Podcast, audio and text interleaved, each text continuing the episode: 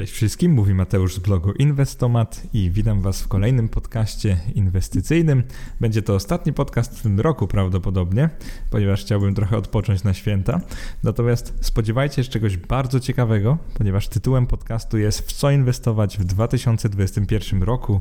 Mój portfel na pierwszy kwartał 2021. Będziemy właśnie tutaj mówić zarówno o moim portfelu, jak i o sytuacji na rynkach, jak i o pewnych okolicznościach, w których się znaleźliśmy, które myślę, że są jeszcze ciekawsze lub jeszcze bardziej niebezpieczne niż były w zeszłym roku. Niestety do tego poprzedniego wpisu na podobny temat, czyli w co inwestować w 2020 roku, to jest ten, który napisałem gdzieś w listopadzie zeszłego roku nie dograłem nigdy podcastu, ponieważ wtedy jeszcze nie nagrywałem podcastów, więc będzie trochę trudniej je do siebie porównywać, natomiast bardzo chętnie i bardzo często będę się odnosił do tego, co tam napisałem, bo o ile rok temu po prostu bałem się tych wysokich wycen spółek, głównie z USA, to dziś jestem naprawdę przerażony i zaraz to tobie wyjaśnię. Ale zacznijmy to wszystko od kilku ogłoszeń, czyli zanim przejdziemy do sedna tego podcastu, tak jak mówię, ostatni w tym roku, więc w pewnym sensie chciałbym zamknąć rok, trochę wam podziękować, ale też ogłosić pewne rzeczy, o których pisałem w tym moim rocznicowym E, wpisie oraz nagrywałem w rocznicowym podcaście. Może zacznijmy od najważniejszych. Przede wszystkim, jeżeli mnie słuchasz i używasz iTunes, czyli tej Apple'owej wersji e, słuchania podcastów, jeżeli masz konto na iTunes, to będę bardzo, bardzo zobowiązany, jeżeli polubisz, w sensie dasz wysoką ocenę, zrecenzujesz mój podcast. To naprawdę bardzo pomaga, jeżeli chodzi o zasięgi, więc jeżeli i tak używasz iTunes, jeżeli podcast Ci się podoba, no to dla Ciebie to pewnie nie będzie duży problem. Po prostu daj piąteczkę, możliwie jakąś recenzję mi wystaw, a będę bardzo wdzięczny, bo dzięki temu dotrę do większej liczby osób przyszłym roku. Także to jest pierwsza prośba, którą dzisiaj do Ciebie mam. Jeżeli jeszcze nie lubisz mnie na Facebooku, oczywiście strona nazywa się inwestomat.eu, inwestomat przez W, to bardzo serdecznie Ciebie zachęcam, żebyś mnie polubiła lub polubił. E, to mi bardzo dużo da, bo tak samo to wpływa bardzo pozytywnie na zasięgi, więc jeżeli jeszcze mnie nie lubisz na Facebooku, to oczywiście przypominam o takiej stronie. To by było na tyle, jeżeli chodzi o ogłoszenia. Przechodzimy do tego sedna podcastu, bo po to chyba tutaj jesteście. Tak jak powiedziałem na na początku. Rok temu po prostu się bałem tych wysokich wycen akcji, ale dziś jestem naprawdę przerażony. Brzmi to ciekawie pewnie, biorąc pod uwagę to, że przez ostatnie miesiące większość światowych rynków akcji po prostu rosło. Ludzie się nie zastanawiali, inwestorzy zarabiali pieniądze, wszystko szło do góry, więc można powiedzieć, że jesteśmy w trakcie hossy. Natomiast zastanawiam się, jak wielu ekspertów finansowych zastanawia się, czy ta hosta jest właśnie oparta na jakichś fundamentach, na przykład w postaci zysków i przychodów spółek, czy one rosną w ogóle, czy mamy do czynienia z taką typową bańką spekulacyjną, lub jeszcze nie, ale dążymy do niej. I teraz ja jestem, jeżeli chodzi o rynki finansowe, jestem dość konserwatywny w sensie, że za akcjami spółek widzę właśnie prawdziwe firmy, prawdziwe spółki, które mają wypracowywać zysk. I jak wypracują zysk, to najlepiej jak podzielą się ze mną dywidendą. Oczywiście nie muszą, bo pewne spółki lepiej jak to reinwestują i będą sobie rosły, na przykład jakieś internetowe, high-tech, nowoczesne i tak dalej. Natomiast spółki tak zwanej starej ekonomii bardzo lubię, jeżeli wypłacają zysk swoim akcjonariuszom, w tym mnie. Więc w tym podcaście, zamiast mówić Wam jakichś konkretów typu zainwestuj w akcje spółki X, ETF-a Y albo shortuj spółkę Z, bo tym naprawdę myślę, że nie nauczyłbym Ciebie niczego, to chciałbym przedstawić Wam trochę argumentów, które mogą wam, Was nauczyć krytycznego myślenia, jeżeli chodzi o rynki finansowe. A według mnie to właśnie krytyczne myślenie uchroni Was w przyszłości od jakichś wtop, od y, utraty wysokiej części waszych środków, bo tak naprawdę to jest najważniejsze, żebyście nie tracili zbyt wysokiej części waszych środków. I teraz, skoro jestem przerażony, bo tak powiedziałem już, czy to oznacza, że w kontekście inwestycyjnym w tej chwili, czyli pod koniec roku 2020, na początku roku 2021, czy pogubiłem się i nie wiem co robić?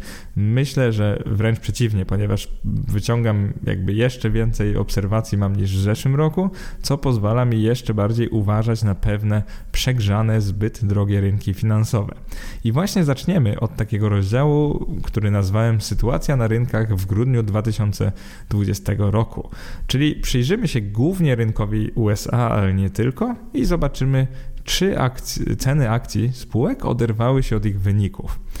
Zaczniemy od właśnie Stanów I dlaczego zawsze zaczynam od Stanów? Może jeszcze wyjaśnię Tobie pokrótce. Dlatego, że około 55% kapitalizacji, czyli wartości giełdowej wszystkich światowych giełd, to są właśnie Stany Zjednoczone, czyli te spółki ze Stanów jakby dominują na całym świecie. Więc mimo, że nie jestem zwolennikiem takiej koncentracji na tylko pierwszym i najważniejszym rynku finansowym świata, to bardzo chętnie dokonuję takiego uproszczenia, że przyglądam się Stanom i jeżeli Stany na przykład są za drogie, to ostrzegam Was, że jest za drogo. Robię tak po części dlatego, że nawet jeżeli e, Stany kiedyś byłyby bardzo drogie, tak fundamentalnie, a wszystkie inne rynki tanie, to pamiętajcie, że inwestorzy ze Stanów inwestują też za granicą na przykład na GPW. Bardzo duża część inwestorów to są inwestorzy zagraniczni, więc pamiętajcie o tym, że jak nastroje zepsują się w Ameryce, to prawdopodobnie to się też przełoży na gorsze nastroje wszędzie indziej, w tym na przykład w Polsce. Więc zawsze uważam, że takie rozpoczęcie od Stanów jest sensowne, bo zbadamy nastroje na rynkach, na najważniejszym rynku, więc od razu możemy się tak spróbować przewidzieć, co stanie się na rynkach mniejszych, w tym na rynku polskim. I pierwszy taki podrozdział to jest rozjazd zysków od cen akcji spółek z USA. Analitycy techniczni, czyli te osoby, które patrzą głównie na wykresy, na ceny akcji oraz indeksów, w tej chwili mogą powiedzieć, że jesteśmy w środku wielkiej pokoleniowej hossy, ponieważ tak naprawdę od roku 2008 do dzisiaj, czyli aż już zaraz będzie 2021, wszystko idzie ładnie w górę. Mieliśmy większe cofnięcie właśnie na początku zeszłego roku, teraz jeszcze obecnego, ale już niedługo to będzie zeszły, więc pozwalam sobie 2020 nazwać zeszłym rokiem. Na początku tego roku mieliśmy spore cofnięcie związane z tym początkiem pandemii, natomiast okazuje się, że nie było to jednak aż tak duże cofnięcie zostało zniwelowane, jeżeli chodzi o największy indeks Stanów Zjednoczonych, S&P 500, zostało zniwelowane raptem w kilka miesięcy. Więc analityk techniczny może powiedzieć, że jest dobrze, jesteśmy w środku hossy, wszystko rośnie i tak naprawdę powinniśmy rzucać swoje oszczędności na giełdę, bo rośnie. Natomiast ja z tym podejściem się zupełnie nie zgadzam. Ja wolę wiedzieć, ile zarabiają spółki z danego kraju, a dopiero później patrzeć na to, za ile je kupujemy, ponieważ naprawdę nie lubię kupować drogich aktywów. A jak inaczej można nazwać aktywa, które tak oderwały się od swoich zysków. I jak spojrzymy na taki raport firmy FactSet, to jest jedno z moich ulubionych źródeł, jeżeli chodzi o e, spółki ze Stanów Zjednoczonych, wygląda to mniej więcej tak. Weźmy jakiś rok, kiedy akcje były względnie tanie. Weźmy rok 2010. Poziom ceny indeksu SP 500 wynosił wtedy 1150, natomiast zysk na akcję właśnie tego indeksu, czyli jakby taka średnia spółka z indeksu, można powiedzieć, to było 100. Czyli po prostu indeks kosztował 1150, a zarabiał 100 Oczywiście dolarów rocznie, tak y, w domyśle. Czyli cena do zysku wyprzedzająca wtedy wynosiła 11,5, czyli można było powiedzieć, że jest dość tanio, ponieważ jak kupisz cały indeks, to on ci się zwróci tym zyskiem w jakieś właśnie 11-12 lat. I problem zaczął się dopiero rodzić w latach 2015-16, kiedy to poziom S&P 500 już był dwukrotnie wyższy niż raptem 5 lat wcześniej, bo wynosił 2044 w 15, a 2200 w 16. Natomiast zysk na akcję, że tak powiem, zysk na jednostkę tego indeksu dalej był dość niski, ponieważ wynosił 130 dolarów. Czyli jak widzicie, przez parę lat spółki zaczęły zarabiać więcej, natomiast nieznacznie więcej, a indeks urósł bardzo, bardzo dużo. Więc ten współczynnik cen do zysku, którego tak często używam, wynosił już 17, a później nawet 19, czyli z tanio zrobiło się średnio, a nawet drogo. Czyli taki średni inwestor, mówiąc prosto, inwestując w S&P 500 musiałby poczekać kilkanaście, a nie kilka lat, żeby zwróciła mu się ta inwestycja z samego zysku spółek. A właśnie na zysk spółek głównie patrzę. I teraz, żeby było jeszcze ciekawiej, w roku 2019 poziom indeksu S&P 500 już wzrósł do 3200, natomiast zysk na jednostkę indeksu był 180, czyli widzicie, on rósł, ale nie tak szybko. Czyli byliśmy już na poziomie cen do zysku około 18. I to był dokładnie moment, tu bym się chciał na chwilę zatrzymać, bo to był moment, kiedy napisałem ten wpis, w co można inwestować, w co inwestować w roku 2020. I wyraźnie napisałem tam Wam, że ja redukuję moje pozycje akcyjne, że kupiłem trochę obligacji ze Stanów Zjednoczonych, że kupiłem trochę kruszców, po prostu złota i srebra. Więc to był dokładnie moment, kiedy uznałem, że akcje amerykańskie są za drogie i ja już nie bardzo chcę w nie inwestować, że tak naprawdę ja już powoli uciekam w ogóle z rynków akcji, bo wydaje mi się, że robi się drogo. I teraz, żebyście zrozumieli kontekst tego. Wtedy cena do zysku indeksu wynosiła 18. To wiecie ile wynosi teraz? 23 dokładnie. Poziom S&P 500 jest na około 3650, tyle jest warta jakby jednostka indeksu, a zarabia on 160, czyli o 20 dolarów mniej niż w zeszłym roku. I pozwól, że pokrótce to wytłumaczę. Zarabia on mniej, ponieważ no, byliśmy świadkami pandemii COVID, dalej jesteśmy, więc spółki naturalnie, przynajmniej większość spółek ma obniżone zyski z tego powodu. Po prostu ich biznes jest albo zamknięty, albo przymknięty, albo po prostu mniej sprzedają danego, danego dobra lub danej usługi, więc po prostu zarabiają mniej pieniędzy. Natomiast poziom indeksu, czyli cena na rynku tych akcji jest zwyczajnie wyższa niż rok temu. I to nie tylko trochę wyższa, bo wyższa o kilkanaście procent. Mm, co w takiej sytuacji myśli fundamentalista? Przede wszystkim fundamentalista nie do końca rozumie, na czym polega ten wzrost akcji, bo gdyby ceny akcji były oparte tylko na zyskach, to powinniśmy mieć teraz poziom indeksu S&P 2800, a nie 3600. Więc jakby jesteśmy w zupełnie takim dziwnym, egzotycznym miejscu, gdzie nie wiadomo w ogóle jak się tu znaleźliśmy. Druga sprawa jest taka, że fundamentalista może podejrzewać, że zyski te przyszłe będą o wiele wyższe i dlatego jest tak wyceniany indeks. No tylko ciężko mi sobie wyobrazić sytuację, jak na przykład w marcu przyszłego roku zamiast zysku na tą akcję indeksu, że tak to nazwę, 160 dolarów, mamy zysk 200, a przed 20 dolarów. No bo tylko taki zysk by usprawiedliwiał tą wysoką wycenę, czyli tą cenę do zysku 23, za kilka miesięcy spadłoby na przykład 17, czyli zamiast drogo, czy tam bardzo drogo, powiedziałbym, że średnio. I teraz ciekawostka kolejna. Jak wygląda dołek COVID-u, czyli ten marzec, środek marca roku 2020? Jak to wygląda w tej chwili, czyli jak spojrzymy w ujęciu już w perspektywie czasu, co się wtedy tak naprawdę stało? Otóż indeks SP 500 spadł o prawie 30 właściwie 30 kilka procent, bo z tych 3, 3200 spadł do 2190 w najmniejszym, najniższym, tym najgorszym punkcie, natomiast zysk na akcję wtedy jeszcze nie spadł tak bardzo, bo wynosił 150. Czyli pytanie brzmi, czy w marcu zeszłego roku, w marcu 2020 mieliśmy okazję, okazję cenową. No i jak widać mieliśmy, bo te ceny bardzo wzrosły, już prawie niedługo będzie o 100%, e, natomiast cena do zysku wtedy wynosiła 15, czyli według według tej mojej nomenklatury było średnio drogo. Wygląda na to, że była to jakaś okazja, tylko jeszcze, żeby wytłumaczyć siebie, dlaczego w marcu nagrałem wam w podcaście zupełnie coś innego niż kupujcie akcje amerykańskie, tylko bądźcie ostrożni. Mm, powód jest bardzo prosty. Wtedy nie dało się ocenić, jakie będą zyski spółek.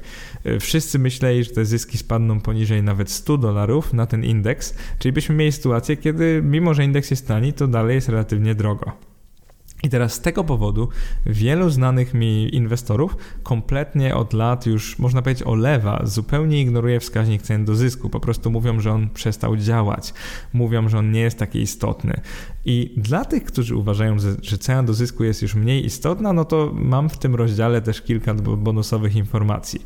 Zacznijmy w ogóle od kontekstu takiego ge geopolitycznego trochę. Spójrzmy na świat jako na całość i sprawdźmy, które kraje w tym roku, czyli w 2020, straciły najwięcej PKB. Straciły oczywiście, mam na myśli, że ich dynamika wzrostu PKB po prostu PKB spowolniło, więc nie dość, że nie mamy wzrostu, to mamy nawet spadek. Zaczniemy od tego, że spojrzymy na kraje, które najlepiej przeszły ten rok oraz najgorzej przeszły ten rok na całym świecie. Czyli nie muszą to być kraje ogromne i liczące się, po prostu spójrzmy na te dwa ekstrema. E, najbardziej wzrosły w 2020, a przynajmniej tak podają ich e, Ministerstwa Finansów, można powiedzieć. Te dane pochodzą z Międzynarodowego Funduszu Walutowego, MFW, bo oni się zajmują gromadzeniem takich danych. E, Sudan, Bangladesz, Egipt, Benin, Myanmar, Rwanda, Chiny, Etiopia, Wybrzeże Kości Słoniowej i Turkmenistan. To było top 10. Te kraje wzrosły przynajmniej o 1,5%, czyli nie dość, że nie spadły, to ich PKB wzrosło o 1,5% i więcej.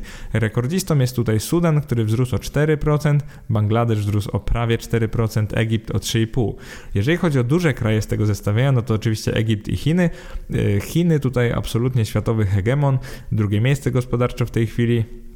Ciekawostka jest taka, że Chiny, od których ta cała pandemia się zaczęła, przynajmniej na to wygląda. E, Chiny wzrosły prawie o 2% w całym 2020 roku. I oczywiście w perspektywie czasu, czyli jak porównamy to sobie do zeszłych lat, no to jest bardzo kiepsko, no bo w 2019 wzrosły o 6%, 6,1 konkretnie, a w tym roku tylko 1,9, czyli można powiedzieć, że jest duży spadek. No ale jak zaraz sobie porównamy to do innych dużych krajów, to Chiny poradziły sobie naprawdę wspaniale.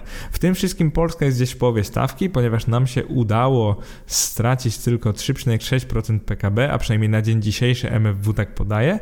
Mm, w perspektywie czasu w zeszłym roku wzrośliśmy o 4,1%, to była dynamika PKB, a w przyszłym i w przyszłych mamy rosnąć znowu o 4,6, 4,5.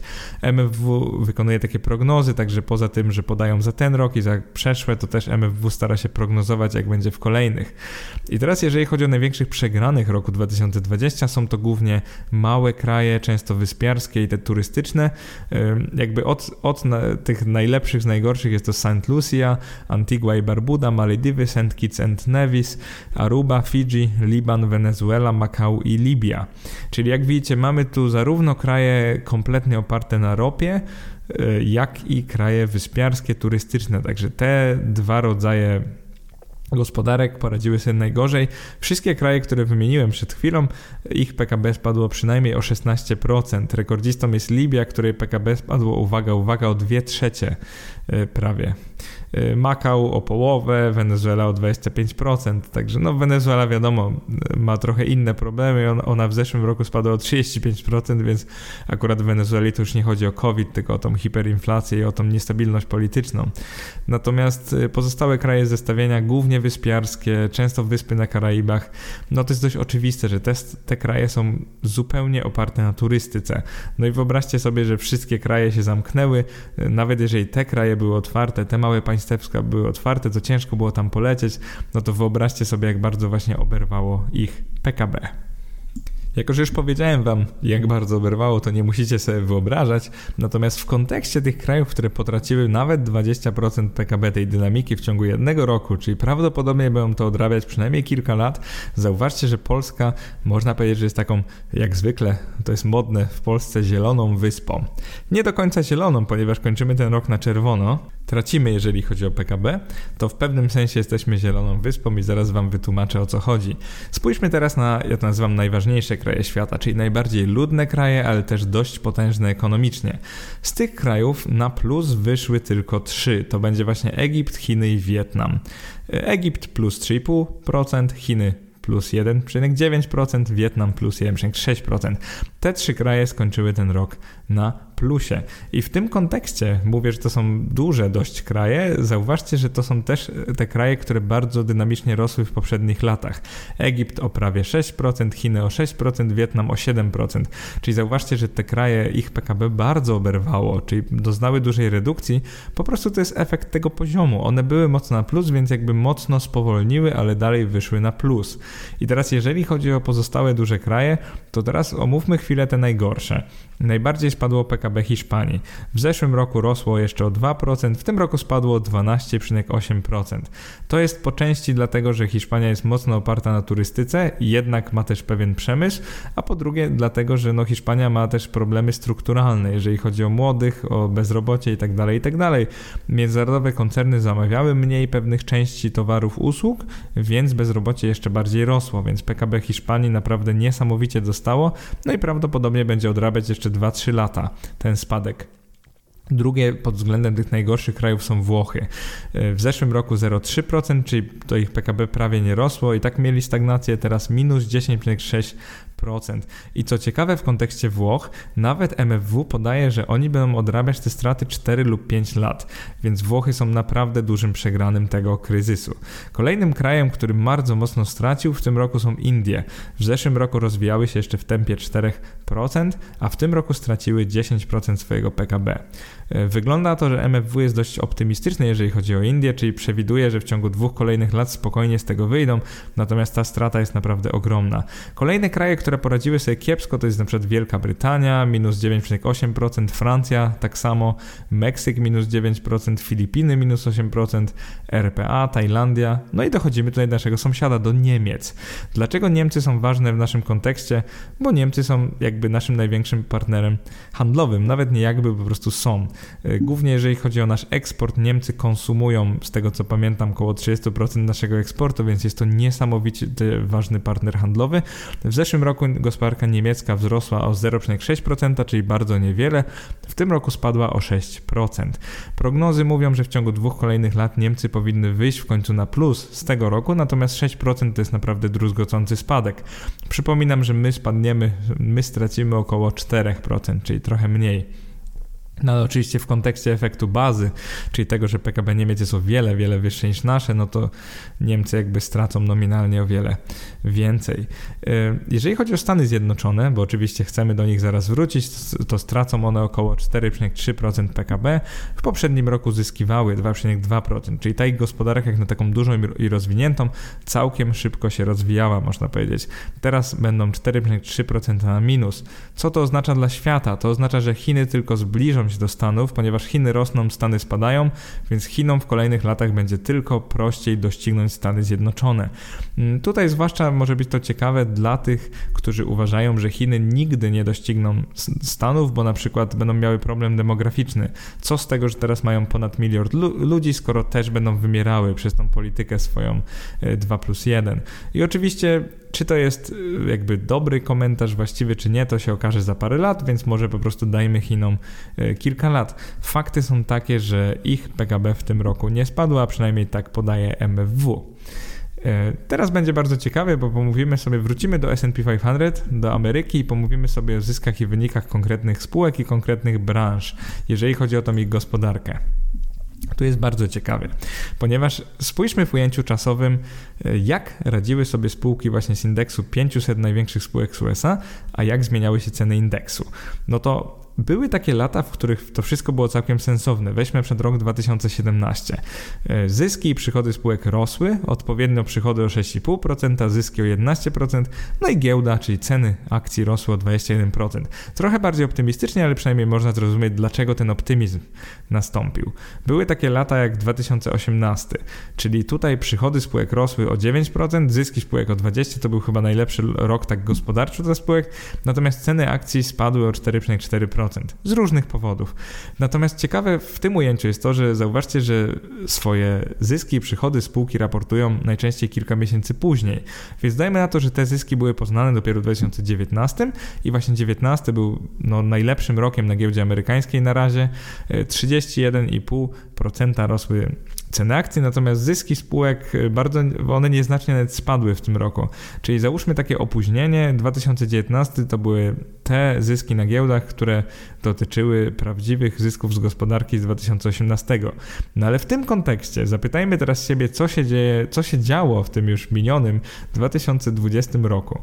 O co chodzi? Dlaczego zanotowaliśmy na giełdzie amerykańskiej wzrost cen akcji o 15%, skoro w roku 2019 e, wyniki spółek praktycznie nie drgnęły, a wręcz spadały zyski, a w roku 2020 przychody spadły o prawie 2%, a zyski o prawie 14%. Jak to możliwe, że wobec takiej tak bardzo kryzysowej sytuacji e, ceny akcji rosną? No i odpowiedź może być dwojaka, zależy kto będzie odpowiadał, bo teorie są dwie. Albo chodzi o to, że obligacje w tej chwili są tak, powiedziałbym, nierentowne, tak mało płacą obligacje, że inwestorzy muszą inwestować w coś innego, więc podejmują zwiększone ryzyko wchodząc na giełdę. To jest pierwsza teoria, że po prostu wszystko inne jest tak kiepską okazją inwestycyjną, że inwestorzy rzucają się na bardzo drogie akcje, bo uważają, że i tak, no skoro jest pozytywna stopa zwrotu, no to pewnie dalej będzie, mimo że ryzyko się robi coraz to większe. To jest teoria numer jeden. Teoria numer dwa jest taka, że tak zwani Robin Hoodowcy to są ci inwestorzy, często młodzi, jacyś milenialsi, pokolenie e, Z nawet, mm, którzy po prostu dostali zasiłek od rządu USA, bo przypominam, że jak zaczął się COVID, to rząd USA wypłacił wszystkim bodajże 1000 dolarów, już nie pamiętam dokładnie, ale tam był taki zasiłek dla wszystkich. Mm, druga teoria jest taka, że ci Robin Hoodowcy wzięli ten 1000 dolarów i zaczęli inwestować na giełdzie właśnie przez taką aplikację Robinhood albo przez Revoluta, po prostu zaczęli kupować jakieś bardzo małe pakiety takich spekulacyjnych spółek typu Tesla, takich, które obecnie są bardzo drogie według takich klasycznych metod wyceny. Oczywiście nie wiem, jak ktoś inny je wycenia, że wychodzi, że one nie są drogie, natomiast jeżeli chodzi o zysk, no to płacimy na przykład tysiąckrotność y, zysku za, za taką spółkę. No i w tym kontekście weźmy na przykład ostatnio modny CD Projekt, który już wcześniej przed Cyberpunkiem, przed premierą Cyberpunka był wyceniany na przykład stukrotność swoich zysków, no to w tym kontekście Tesla jest jednak jeszcze o rząd wielkości droższa. Czyli wyobraźcie sobie, że inwestor nie oczekuje zwrotu w 10 lat, tylko starczy mu 1000 lat. Mm, bardzo ciekawe podejście, bo może inwestorzy w Tesla albo spodziewają się nagle mm, stukrotności ich zysków, no nie wiem jak mieliby to dokładnie osiągnąć, ale może wiedzą coś, czego ja nie wiem, albo będą żyli tysiąc lat i wtedy dla nich y, w porządku jest przeczekanie takiego okresu, natomiast jeżeli chodzi o moje standardy inwestycyjne, to powiedziałbym, że zarówno Tesla, jak i CD Projekt są no, dość drogimi spółkami, natomiast Tesla różni się o rząd wielkości od CD Projektu to jest 1000 cena do zysku, a CD Projekt ma około 100. Nie mówiąc, że jak CD Projekt wydaje grę, to często mu spada na parę kwartałów do 10-15, czyli wygląda jak fundamentalna okazja. No ale wracamy jeszcze na chwilę do tego S&P 500, już mocno go wymęczyłem, ale na końcu chciałbym omówić trochę poszczególne branże. E, przykładowo mamy takie branże jak IT, które w roku 2020 e, ich przychody i zyski rosły o około 5%, a cena akcji wzrosła o 35%, czyli zauważcie, że mocno są oderwane od, od tych zysków, ale jednak zyski były. Później mamy takie branże jak na przykład e, konsumpcja luksusowa, tu mam na myśli po prostu wszystko to, co kupujemy, ale nie musimy tego kupować. Zegarki, jakieś droższe ubrania, samochody, tak naprawdę takie wydatki, bez których można żyć. E, no to na giełdzie wzrosło to o 25%, a na przykład zyski takich spółek spadły o 33%. To jest w ogóle bardzo ciekawy przypadek. Mm, o co tu chodzi? No to ja was tak naprawdę pytam, bo się sam zastanawiam. Wygląda to, że te spółki notują coraz mniejsze zyski, coraz mniej też pewnie sprzedają, chociaż przychody nie drgnęły, po prostu marże musieli uciąć. No to na giełdzie inwestorzy stwierdzili, że to jest dobra okazja z jakiegoś powodu. Taką zupełną ciekawostką dla mnie jest też na przykład branża przemysłu. E, przemysł stracił 13% przychodów, 50% zysków, mówię tu o takim ogólnym przemyśle, a na giełdzie rósł o prawie 9%. To jest dalej giełda w Stanach Zjednoczonych.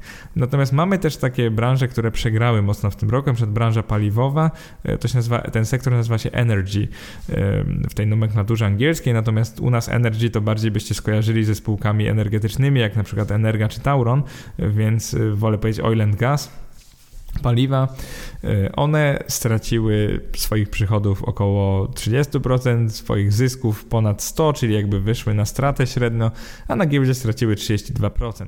Mam na myśli w tym ujęciu, jak patrzymy na grudzień 2020. Więc jakby można powiedzieć, że sektor paliwowy jest rozsądnie wyceniany, bo mocno spadł, jeżeli chodzi o wyniki, więc jego wartość na giełdzie mocno spadła. Więc jakby ciężko się tego czepiać. Czyli widzę tutaj gdzieś jakieś fundamentalne okazje albo takie, mm, bym powiedział, pozytywne zakrzywienia dla inwestora. Jest taki sektor, to jest utilities, czyli po polsku bym powiedział, że to jest sektor energii, wody który tak naprawdę nie ucierpiał za bardzo na COVID, na tej pandemii COVID-19. Jego przychody spadły o 2%, zyski wręcz wzrosły o 2%, a na giełdzie jest tańsze o 4% od początku roku. Oczywiście to są, powiedziałbym, nudne spółki dywidendowe.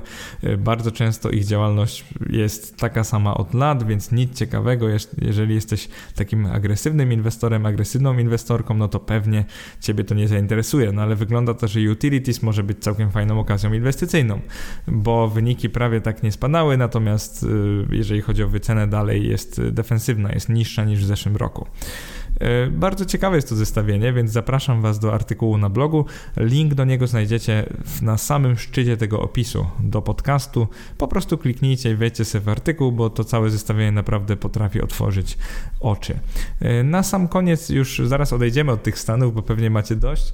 E, pomówię o tym, że ceny akcji z USA też są rozjechane trochę od PKB.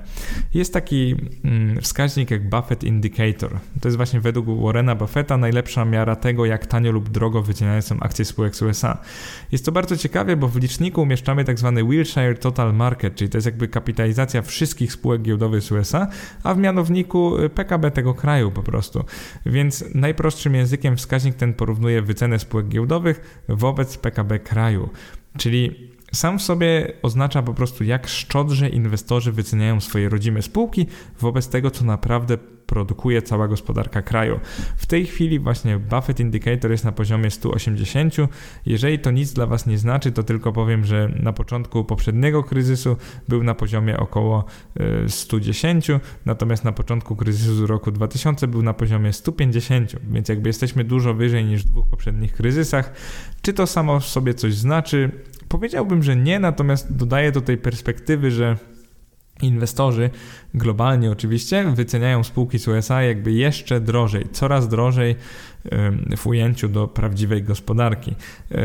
No i to oczywiście też oznacza, że no robi się niebezpiecznie, zwłaszcza, że jesteśmy w okresie recesji. Jakby nie patrzeć, średnia spółka ze Stanów ma dużo gorsze wyniki niż miała w zeszłym roku. E, to oczywiście nie dziwi, bo była na przykład zamknięta przez parę miesięcy. Natomiast e, inwestorzy wyceniają ten indeks coraz to drożej. Jest to tym bardziej ciekawe, jak spojrzymy sobie na to, skąd pochodzą zyski spółek z S&P 500. E, otóż 50% zysków pochodzi z 5% spółek. 5%, czyli 25 największych i takich najsilniejszych spółek. Mm, to jest y, zasada Pareto w praktyce. Tam powinno być 20-80, tu mamy 5-50, ale faktycznie 5% wszystkich spółek generuje 50% zysku netto. Jak, jakbyście sobie przybliżyli na przykład sektor finansowy, y, weźmiemy największe spółki, czyli samo Berkshire Hathaway, to jest ten holding Warrena Buffetta, Bank of America, JP Morgan Chase, Wells Fargo i Citigroup, no to weźmiemy sobie ich roczny zysk i one tak naprawdę dominują nad całą resztą spółek finansowych, których mamy mnóstwo w tym indeksie. Podobnie jak spojrzymy na sektor technologiczny. Weźmy sobie największe spółki, czyli te, które najwięcej zarabiają. Weźmy sobie Apple, Microsoft, Alphabet, czyli Google, Intel, Facebook, IBM i Cisco. Wzięliśmy sobie kilka największych spółek, one kompletnie dominują pozostałe, nie wiem, pozostałych jest chyba dwadzieścia kilka spółek technologicznych, kompletnie dominują ten sektor, odpowiadając za ponad połowę jego zysków i to znacznie ponad połowę jego zysków. E, we wpisie umieściłem takie fajne bąbelki, taki diagram, który pozwoli Wam zrozumieć o co mi tak naprawdę chodzi. Zaraz jeszcze wyjaśnię, dlaczego o tym powiedziałem. Spójrzmy jeszcze na Fear and Greed Index, czyli jak chciwi lub bym powiedział, przestraszeni są obecnie inwestorzy. To jest indeks, który przygotowuje CNN co roku i w każdym wpisie portfelowym, w każdym podcaście portfelowym, teraz co kwartał, teraz już w przyszłości będzie co pół roku, bo postanowiłem zmienić częstotliwość publikowania wpisów portfelowych. E, w każdym takim podcaście lubię powiedzieć też o indeksie strachu i chciwości. CNN po prostu bada nastroje inwestorów. Ciekawe jest to, że jeszcze miesiąc temu byliśmy w nastroju strachu, czyli na poziomie poziomie 34 na 100, a teraz, czyli 4 grudnia, akurat nagrywam to 20 grudnia, czyli dzień przed publikacją, natomiast ostatni odczyt and Grid był właśnie 4 grudnia, byliśmy na poziomie 88 na 100, czyli ekstremalna chciwość. Wyobraźcie sobie, że rok temu inwestorzy byli chciwi i to było dokładnie przed tymi spadkami marcowymi. Miesiąc temu inwestorzy się bali, no bo wtedy mieliśmy taką lekką korektę na całym świecie, a teraz inwestorzy są znowu na poziomie ekstremalnej chciwości. No i co bym tutaj powiedział? Jeżeli macie podejście typu akcje są drogie, ale obligacje prawie nie płacą, więc w coś trzeba inwestować, no to gratuluję rozumowania, bo Pamiętajcie, że w roku na przykład 1999 e, inwestorzy w euforii podobnie kupowali bardzo drogie spółki internetowe, obserwując jak po roku dwóch traciły one 97-99% swojej początkowej wartości. Mm, drugie podejście jest takie, akcje są drogie, bo Fed skupuje aktywa na potęgę, gwarantując ich dalszy wzrost. Fed kupuje głównie obligacje skarbowe, pamiętajcie, oni słyszałem, że też zaczęli kupować ETF-y, czyli w pewnym sensie kupują akcje. Natomiast jakby spojrzeć na skalę tego dokupu Fedu, e, S&P 500 te spółki są warte na giełdzie teraz 30 bilionów dolarów. I teraz mała pomoc dla tych, e, którym bilion już nic nie mówi. E, pamiętajcie, że mamy milion, to jest tysiąc tysięcy. Mamy później miliard, to jest tysiąc milionów. I mamy też bilion, to jest tysiąc miliardów. Czyli taki bilion to jest tysiąc tysięcy milionów, czyli po prostu milion milionów. Ciężko to sobie nawet wyobrazić, ale w tej chwili właśnie S&P 500 warte jest 30 bilionów dolarów amerykańskich. W tej perspektywie bilans Fed, czyli to co Fed skupuje aktywa, jest w tej chwili wart 7 bilionów dolarów. No czyli właśnie co, jedną czwartą tych aktywów S&P 500. Mm, jeżeli chodzi o lokaty Amerykanów w tej chwili to jest kolejne 11 bilionów dolarów, więc że tak powiem zwalanie całych wzrostów na giełdach tym, że Fed skupuje aktywa moim zdaniem jest zwyczajnie nieadekwatne, ponieważ pewnym momencie ten efekt już nie będzie taki duży, nawet jak będą dalej skupować i wątpię, że Fed będzie w stanie utrzymać jeszcze przez wiele lat takie wzrosty. Więc o co chodzi w tych wzrostach? O to, co zawsze, czyli o chciwość inwestorów. Jeżeli ceny rosną, no to inwestorzy kupują akcje. Jeżeli inwestorzy kupują akcje, to ceny rosną jeszcze bardziej. A jeżeli ceny rosną, jak inwestorzy kupili, to rośnie indeks strachu i chciwości, zbliża się do 100. No i w pewnym momencie podaż zacznie przewyższać popyt, a ceny akcji zaczną spadać, by znów sprowadzić indeks do parteru i wartości bliżej zera. Z tego powodu zawsze, gdy widzę wysokie odczyty tego indeksu, to tak naprawdę zaczynam się bardziej bać. Czyli jak inwestorzy są bardziej chciwi, no to ja paradoksalnie czuję się bardziej przestraszony i bym uważał na dokup dokupywanie indeksów, dokupowanie przed ETF-ów rynków rozwiniętych. Na sam koniec tej pierwszej ogólnej części podcastu chciałbym Wam powiedzieć, co alokują środki inwestorzy. Według właśnie BOFA Investment Strategy, to są akurat oni mierzą przepływy do funduszy e, globalnych. E, według nich dużo więcej teraz pieniędzy jest w funduszach gotówkowych, takich bezpiecznych i obligacyjnych. Także w tym roku inwestorzy głównie zwiększyli swoje pozycje bezpieczne, e, konkretnie o 359 miliardów do funduszy obligacji, o 917 miliardów do funduszy takich takich gotówkowych pieniężnych wobec początku roku. Natomiast jeżeli chodzi o akcje i złoto, to możecie się trochę zdziwić, ale napływy do funduszy akcji nie są wcale wysokie. Zaczęły się dopiero od tak naprawdę listopada i grudnia e, tego roku i wobec początku roku wzrosły o 127 miliardów, czyli znacznie mniej niż tych obligacji pieniężnych. Jeżeli chodzi o złoto, to tutaj w ogóle mamy dość e, niski udział tych funduszy, bo to jest 54 miliardy e, dolarów. Czyli jakby to wcale tak nie jest, że ludzie uciekli do złota złota w tym roku, bo oczywiście jakieś przypływy były, no ale dużo większe do funduszy obligacji pieniężnych. E, czy to oznacza, że inwestorzy teraz nie grają na giełdzie? No wręcz przeciwnie. Tutaj mówimy tylko o funduszach. Przecież widzimy, że ci właśnie młodzi Robin Hoodowcy, można powiedzieć, rzucili się na giełdy, czy Robin Hoodzi, nie wiem nawet jak ich nazwać, więc mamy te wzrosty na giełdach. I żeby podsumować trochę ten rozdział, skoro ceny akcji na giełdach rozjechały się zupełnie od ich wyników. I to jest dość oczywiste. Tak naprawdę wszystkie możliwe źródła świadczą właśnie o tym, że inwestorzy już nie wyceniają teraźniejszości, tylko przyszłość. No to czy naprawdę przed nami taka świetlana przyszłość, jeżeli widzimy coraz to kolejne lockdowny i tak naprawdę jedynym krajem takim dużym na świecie, który wygląda, że sobie z tym radzi, to są Chiny, które mówią, że mają wzrost i tak naprawdę jakoś nie raportują tych problemów związanych z pandemią tak mocno jak inne kraje. Więc wygląda to, że jak na skalę swojej gospodarki, to nie mają jakiegoś dużego problemu. I tutaj będzie bardzo ciekawe, jeszcze jak przypomnicie sobie ten mój podcast, jeden z ostatnich nazywał się Tanie Inwestowanie. E, w tanim inwestowaniu opowiedziałem Wam o tych rynkach światowych, e, głównie emerging markets, które są teraz najtańsze fundamentalnie, czyli na przykład za 1 dolar zysku amerykańskiej spółki musimy teraz zapłacić 23 dolary średniej spółki, a za 1 yuan zysku chińskiej spółki płacimy na przykład 13 yuanów. Zauważcie jaka jest różnica, że naprawdę wygląda to, że inwestor dywidendowy niedługo nie będzie miał prawie czego szukać w Stanach Zjednoczonych, natomiast w Chinach jak najbardziej. I to jest zwłaszcza ciekawe w tym kontekście, że to Stany rosną najbardziej w tym roku, zaraz o tym jeszcze pogadamy, o samych cenach akcji. Natomiast y, ich gospodarka nie wygląda wcale tak y, różowo, tak zielono. Wręcz wygląda czerwono, bo mocno, mocno są do tyłu w tym roku. Zarówno jeżeli chodzi o PKB, tak jak Wam mówiłem, ponad 4% i jeżeli chodzi o zyski i przychody spółek. Po prostu nie wygląda to zbyt różowo. Podsumujmy teraz w takim mm, międzyrozdziale, czyli zanim pomówię jeszcze o moim portfelu, podsumujmy sobie rok na rynkach, czyli cały 2020 na rynkach. No i po kolei. Najpierw zacznijmy od światowych indeksów akcji.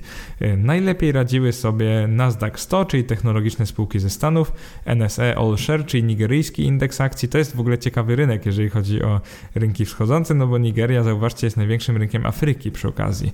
E, Shanghai 50, czyli rynek chiński radził sobie bardzo dobrze, S&P 500, no o nim już wiecie bardzo dużo i Nikkei 225, czyli japoński indeks. Czyli zauważcie, że tu mamy mm, trzy rynki rozwinięte, w zasadzie to dwa, bo USA i Japonię. Mamy dwa rynki wschodzące, Nigerię i Chiny. Wszystkie te rynki, które wymieniłem, przynajmniej wzrosły, wzrosły przynajmniej o 12% w tym roku.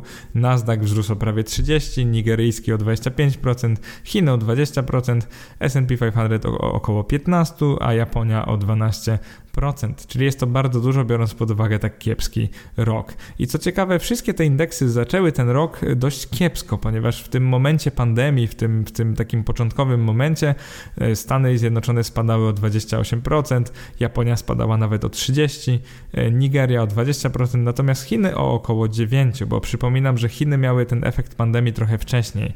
On był już w roku 2019, czyli wtedy, jak właśnie Chiny ogłosiły, że tam u nich w Wuhan jest ten wielki problem. Także te rynki finansowe, jeżeli spojrzymy całościowo na cały rok, poradziły sobie całkiem nieźle. No to kim są ci wielcy przegrani? Pięć rynków z tych dużych rynków światowych, które poradziły sobie najgorzej. Na ostatnim miejscu jest Wielka Brytania z wynikiem minus 12%. To jest ten indeks FTSE 100. E, ten indeks spadł, czyli jakby wobec początku roku 2020 jesteśmy dalej na minusie. Indeks francuski CAC40 minus 9%, także dalej na minusie. Indeks rosyjski RTS jest na minusie też o 9%, Australia jest dalej na minusie, ten ASX 200, ich rodzimy indeks minus 7% i hongkoński Hang Seng minus 5%. Teraz na chwilkę się zatrzymajmy. Bardzo blisko tego jest WIG, bo WIG spadł o minus 4,7% przez cały rok, więc póki co nasz WIG, czyli szeroki, WIG, czyli szeroki Indeks polskiego rynku niestety jest dalej na minusie. Ale skupmy się trochę na tych wielkich przegranych. No to mamy tu tak, kilka rynków rozwiniętych. Australia, Francja, Wielka Brytania, zdecydowanie rynki rozwinięte. One spadły, ponieważ chyba inwestorzy spodziewają się, że wpływ na ich gospodarkę będzie większy niż na przykład na gospodarkę Stanów czy Japonii. Jeżeli chodzi o rynki wschodzące, to jest bardzo ciekawie, że Rosja jest na minusie i Hongkong jest na minusie. W Hongkongu mamy notowane głównie spółki chińskie, zauważcie, więc tak naprawdę Hongkong to jest trochę jak Chiny, tylko po prostu inna giełda niż ta w Szanghaju, więc po prostu jak mówię Hang Seng, czyli indeks hongkoński, no to trochę mam na myśli też Chiny no to Hongkong spadł o 5%, mimo że akcje w Hongkongu są jednymi z najtańszych na świecie dalej. Rosja spadła o 9%, mimo że spółki rosyjskie są jednymi z najtańszych na świecie. Dlaczego tak jest? Chodzi prawdopodobnie o tą niestabilność polityczną, że ludzie po prostu się boją, nie wiadomo co się stanie z Hongkongiem, a tam a giełda jest jednak fizycznie tam. Jeżeli chodzi o Rosję, to tak samo, że Rosja bywa taka trochę wybuchowa, e, dosłownie ich przenośni jakby ich rynek jest mniej stabilny, przynajmniej oczami inwestorów. Mm, te spadki prawdopodobnie można by jakoś wykorzystać. Pytanie jest jak.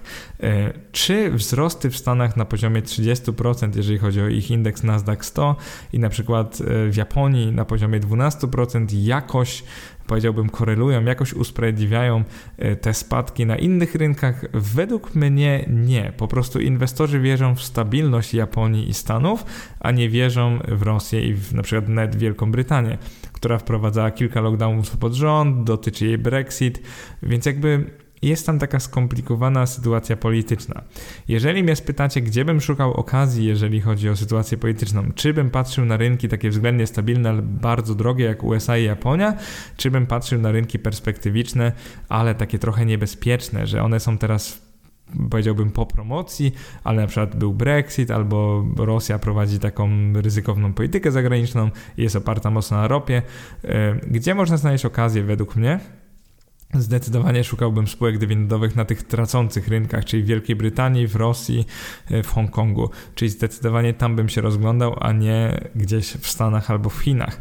E, ciekawym case'em tutaj jest faktycznie ten indeks Shanghai 50, bo Chiny są na plus w tym roku, e, natomiast dalej wydają się dość tanie fundamentalnie, czyli tą cenę do zysku mają około 13, ten indeks zależy od źródeł, bo czasami podają 15, ale dalej to jest dużo mniej niż Stany Zjednoczone, czyli można spokojnie znaleźć spółkę taką dużą, która wypłaca na przykład 4% dywidendy rocznie albo 5% dywidendy rocznie. Niepewność tkwi, pamiętajcie, w walutach. Jeżeli decydujecie się na inwestycje w Rosji lub w Chinach, no to de facto kupujecie rosyjski rubel albo chiński yuan. Także pamiętajcie, że inwestujecie w waluty, które są uznawane za mniej stabilne niż na przykład waluta Stanów Zjednoczonych lub nawet waluta Polski, w zależności od źródeł. Chociaż nasz złoty ostatnio no jakby to powiedzieć, ze względu na tą naszą wysoką inflację może przeżywać ciężkie chwile, no ale zobaczymy. Akurat ostatnio się, można powiedzieć, umocnił wobec e, walut obcych, Natomiast, no cóż, y, jaka, jaka sytuacja jest lepsza dla polskiego inwestora, no to chyba nie muszę mówić, ponieważ chcemy za złotówkę kupić jak najwięcej akcji, na przykład w dolarze albo w juanie, więc oczywiście silna złotówka jest jak najbardziej ok dla inwestorów, natomiast trochę gorsza dla eksporterów i dla gospodarki ogólnie. Natomiast mi absolutnie nie przeszkadza, że dolar teraz bardzo spada, no bo dla mnie to jest tylko okazja, żeby kupić na przykład ETF, który inwestuje w Stanach, więc jak najbardziej się na to zapatruję i myślę, że możecie zaszczepić w sobie podobne myślenie. Przejdźmy trochę na polską giełdę. E, na polskiej giełdzie jest bardzo ciekawie, ponieważ e, to jest podobnie jak mówiłem w poprzednim podcaście, czyli jak rozegrać giełdy w czwartym kwartale 2020 roku. E, podobnie jak wtedy. Indeks New Connect świetnie sobie poradził, czyli te takie najmniejsze, takie mikrospółki na polskim rynku. W kontekście całego roku 52% na plus, ale co ciekawe, w kontekście ostatniego kwartału, czyli czwartego kwartału, poradziły sobie kiepsko. One spadły o 5%. Tak naprawdę były jedynym indeksem, który stracił na wartości wartości, jeżeli chodzi o polską giełdę. Później mamy SWIG 80, to jest taki, jak już wiecie, pewnie to jest mój ulubiony indeks w kontekście, że są tam często fajne i tanie dywidendówki i tylko w takim kontekście, ponieważ nie inwestuję jakby całościowo w ten indeks. E, by the way, nie ma jeszcze ETF-a na ten indeks, więc nawet się nie da go kupić całościowo. No ale wybieram poszczególne spółki. Tam, gdzie widzę perspektywiczne dywidendówki, to tam po prostu lokuję swój kapitał. W całym roku 2020 wzrósł SWIG 80 o 20%. W ostatnim kwartale też bardzo fajny wzrost o 9%. Oczywiście to się przełożyło na dobre wyniki mojego portfela. Kolejne indeksy, szeroki WIG w całym roku spadł o 5%, WIG 20, czyli 20 największych spółek. Mimo wejścia Allegro tego indeksu i mimo wzrostów Allegro, to w całym roku jesteśmy dalej 8% na minusie. W ostatnim kwartale, czyli czwartym, jesteśmy 9% na plus, także poradził sobie całkiem nieźle. No i na końcu MWIG 40, te średnie spółki w całym roku poradził sobie najgorzej, minus 9%. Na MWIG 40 oczywiście jest ETF i zauważyłem, że bardzo wielu słuchaczy, czytelników wypytuje mnie o ten ETF, czy na przykład to jest warto, czy perspektywiczny i tak dalej. No ciężko powiedzieć. Widzicie, perspektywa jest taka, że no w tym roku nie poradził sobie najlepiej.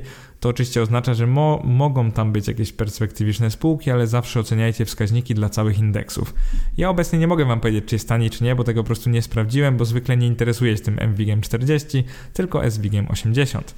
E, bardzo lubię też tą część moich podcastów portfelowych, w której rozmawiam o polskich branżach, czyli tych indeksach branżowych, ale w Polsce, czyli na przykład WIG Górnictwo, WIG Games, WIG Info, WIG Energa i tak dalej.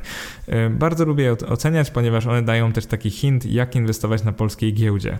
W tym roku o dziwo najlepiej poradził sobie WIG Górnictwo, wzrósł on o 80%, to jest dość niesamowite, patrząc na warunki e, no, gospodarcze. W ostatnim kwartale 28% na plus. WIG Budownictwo poradził sobie prawie, że równie dobrze, 40% na plus, to jest niesamowity wynik, biorąc pod uwagę tą taką niepewną sytuację na rynku nieruchomości. Takim czymś, co mnie w ogóle nie zaskakuje, jest to, że WIG Games, ten ze spółkami growymi, on wzrósł o 29% w całym roku. Oczywiście te spadki CD Projektu będą powodowały, że on bardzo, bardzo będzie teraz szedł w dół. E, podejrzewam, że już spadł o wiele więcej niż ja e, tutaj zawarłem w moim wpisie, bo tam napisałem minus 11%. Podejrzewam, że w ostatnim kwartale mógł nawet spaść o 20%, bo CD Projekt zajmuje tam bardzo dominującą pozycję. E, WIG Informatyka, WIG Info 22% na plus, WIG Energa, Energetyka, przepraszam, nie tylko Energa tam jest 15% na plus. To są najwięksi zwycięzcy. Podsumujmy, górnictwo, budowlanka, gry komputerowe, informatyka i energetyka. Największy przegrani tego roku, czyli te indeksy, które najwięcej straciły, WIG banki, czyli banki straciły w perspektywie roku 31%, ale to one miały naprawdę świetny kwartał, ponieważ w ostatnim kwartale wzrosły o 25%. To jest to, o czym ja często mówię, że często okazje są tam, gdzie jest po prostu najtaniej, więc inwestorzy chyba zauważyli, że te banki są jakby zbyt tanie, że pewnie jeżeli stopy wzrosną lub, nawet stopy procentowe nie wzrosną, a banki przeniosą te koszty na klientów, no to pewnie pewnie w końcu te ceny akcji i zyski zaczną rosnąć. No i myślę, że to był dobry bet. Ktoś, kto by kupił właśnie banki gdzieś we wrześniu, no to w grudniu miałby 25% na plus. E, kolejną branżą, która poradziła sobie fatalnie w całym roku jest odzieżówka, WIG Odzież minus 17,5%, e, WIG Media minus 15%, WIG Nieruchomości minus 11% i WIG Paliwa minus 10%. Jeżeli chodzi o paliwa, to zauważcie, że nasz sektor paliwowy spadł o 10%, natomiast ten w Stanach Zjednoczonych, on się nazywa Energy, spadł o 33%, także u nas nie jest wcale tak źle, jeżeli chodzi o ten paliwowy. I w ogóle jak patrzę na nasze sektory, to chyba nie jest tak źle. E, gdzie widzę takie pewne, być może okazje fundamentalne, można by się przejrzeć indeksowi WIG, WIG bo on spadł e, przez cały rok 8%, a to nie jest tak, że te sektory gospodarki radzą sobie jakoś gorzej. E, WIG spożywczy też jest ciekawy, bo on wzrósł tylko o 3% i w tym kontekście można powiedzieć, że być może WIG spożywczy jest teraz pewną okazją. Po prostu nie wzrósł jakoś bardzo mocno, a, a wyniki tych spółek też wcale nie są takie złe. E, bardzo ciekawy jest WIG leki, czyli ten nasz farmaceutyczny indeks, bo wydawać by się mogło, że WIG leki przez pandemię COVID jakoś bardzo wzrośnie. A tu paradoksalnie Wikleki e, jest w połowie stawki z wynikiem plus 6%. Ten indeks wzrósł o 6% w ciągu roku w 2020. To jest dość ciekawe, bo Wikleki wydawać pisze mogło, że będzie beneficjentem pandemii, a tak naprawdę wygląda to, że do końca nie jest. To jest właśnie bardzo ciekawe, zwłaszcza w tym kontekście, kto wygrał ten rok, właśnie WIG Górnictwo. Można by się zastanawiać dlaczego i to jest bardzo ciekawa rzecz, której chętnie się przyjrzę w jednym z kolejnych podcastów. E, na sam koniec tej oceny rynków, e, surowce, metale, kryptowaluty. To jest coś, co pewnie bardzo Ciebie zaciekawi, bo zauważyłem, że dużo osób się tymi kryptowalutami interesuje, zwłaszcza jak rosną. No, w tym roku Ethereum, Bitcoin, no niesamowity rok zaliczyły. Obydwa, pewnie w chwili, kiedy to nagrywam, już są 100% do góry. E, akurat dane zbierałem chyba 15 grudnia, ale widzę, że dalej rosną, więc podejrzewam, że i jedno, i drugie już jest 100% do góry wobec początku roku. Także niesamowite e, wyniki, więc oczywiście inwestorzy, jeżeli tak można nazwać e, te osoby w kryptowaluty, są teraz bardzo, bardzo do przodu. Jeżeli chodzi o powody jakieś fundamentalne tego, to eksperci podają, że na przykład chodzi o halving na Bitcoinie. E, nie będę się wypowiadał, bo jakby są na pewno podcasterzy, którzy w tym siedzą dużo bardziej niż ja, więc może nie będę tu się specjalnie odzywał. Natomiast fakty są takie, że kryptowaluty poradziły sobie znacznie lepiej niż na przykład surowce i metale szlachetne. I nie tylko szlachetne szlachetne. Na przykład weźmy miedź, tutaj metal nieszlachetny, 35% do góry od początku roku, bardzo fajny wynik. Stąd takie wzrosty na naszej spółce KGHM, spółce z naszej giełdy WIG20.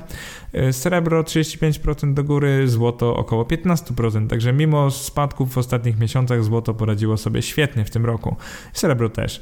Ropa jest dalej na minusie, ale to już nie jest ogromny minus, biorąc pod uwagę to, że obydwa rodzaje ropy, czyli crude i Brent, spadały mm, w pierwszym kwartale nawet o 60%, no to biorąc pod uwagę to, że skończyły rok całościowo na minus 9 i minus 12%, to zupełnie nie jest takie złe.